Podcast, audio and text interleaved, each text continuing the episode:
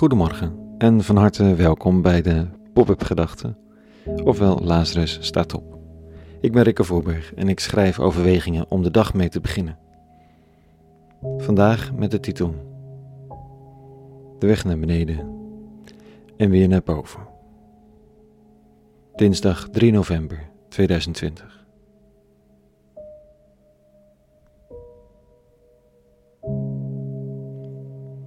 Durf ik met de ander af te dalen in diens pijn? En durf ik iemand anders mee te nemen op mijn route van onvermogen of onwil of onhandigheid? Te vaak houden we afstand, denk ik dan. We gaan naar een dokter voor een probleem, een psychiater voor, moet een slimme methode voorschrijven, als ik ongeveer heb uitgelegd wat het probleem zou kunnen zijn. En mijn vrienden? Nou, die bel ik wel weer als ik toonbaar ben, als ik leuk gezelschap ben, Kijk, soms werken methodes ook en pillen of trucjes of je terugtrekken. Soms landt goed bedoeld advies ook echt ergens. Maar als het om zaken van het hart gaat, meestal niet. Wie naast een verdrietig mens gaat zitten en zegt: Kom op, die hoeft geen glimmend dankbare ogen te verwachten die zeggen: Oh, wat fijn dat je me begrepen hebt. Dit is precies wat ik nodig had. Want waarom zei ik kop op? Misschien vond ik het eigenlijk gewoon niet fijn dat er binnen mijn gezichtsveld, binnen gehoorsafstand, iemand aan het huilen was. Het verpeste sfeer. Iedereen wordt er een beetje naar van, mezelf inclus. Dus hup, laat het ophouden. Kop op. Dat heeft helemaal niets met de ander te maken, maar alleen met mijn eigen welbevinden.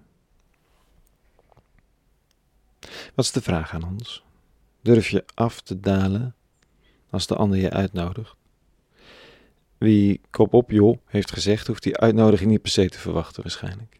Maar ben je beschikbaar? Of toch te bang, te veel met andere dingen bezig? Wat oké is, hè? Maar misschien is het dan zaak om te zeggen: hé, hey, ik zie dat je verdrietig bent, maar ik red het niet om te luisteren. Is ook niet leuk.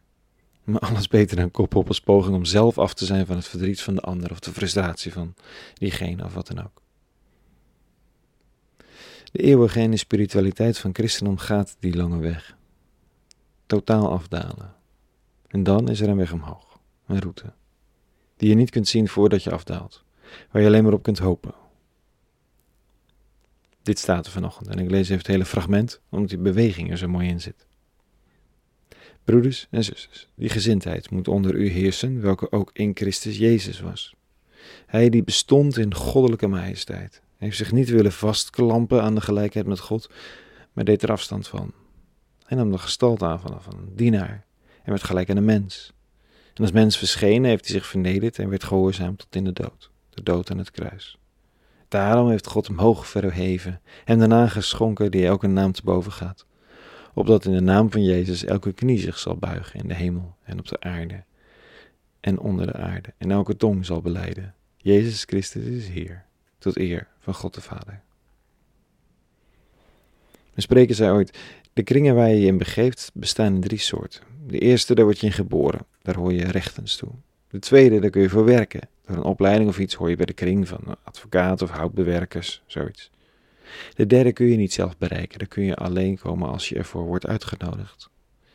Een beetje als een talkshow op tv. Niet dat dit het hoogste goed is, mijn hemel, maar het is wel een beeld.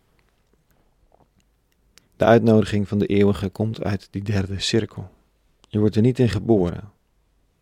Je wordt geboren in een soort verwarrende mix van liefde en miskleunen. Van geliefd zijn en ervoor willen strijden en van het goed willen doen en ondertussen ook heel vaak het juist helemaal niet goed willen doen. Je kunt christendom ook niet leren, zodat je recht hebt tot de rust die de spiritualiteit van christendom je biedt. Er is geen recht. Maar door te zoeken, te verlangen, je te verbinden, je over te geven, af te dalen soms, is er de uitnodiging. Dan wordt het je gegeven en toevertrouwd. Soms is het maar even. Het is ongrijpbaar, valt ik zomaar weer door je handen. Maar de beweging die de rabbi doormaakt, hoort bij de spiritualiteit van christendom. De uitnodiging aan de rabbi om die beweging met jou door te maken en om zelf in bewogenheid met de ander en de wereld durven los te laten wat je hebt. In het vertrouwen dat er een nieuwe weg voor je komt, waarin je gegeven zult worden wat je nodig hebt. En meer. Tot zover de pop-up gedachten van vanochtend. Een hele goede dinsdag gewenst. En vrede. En alle goeds.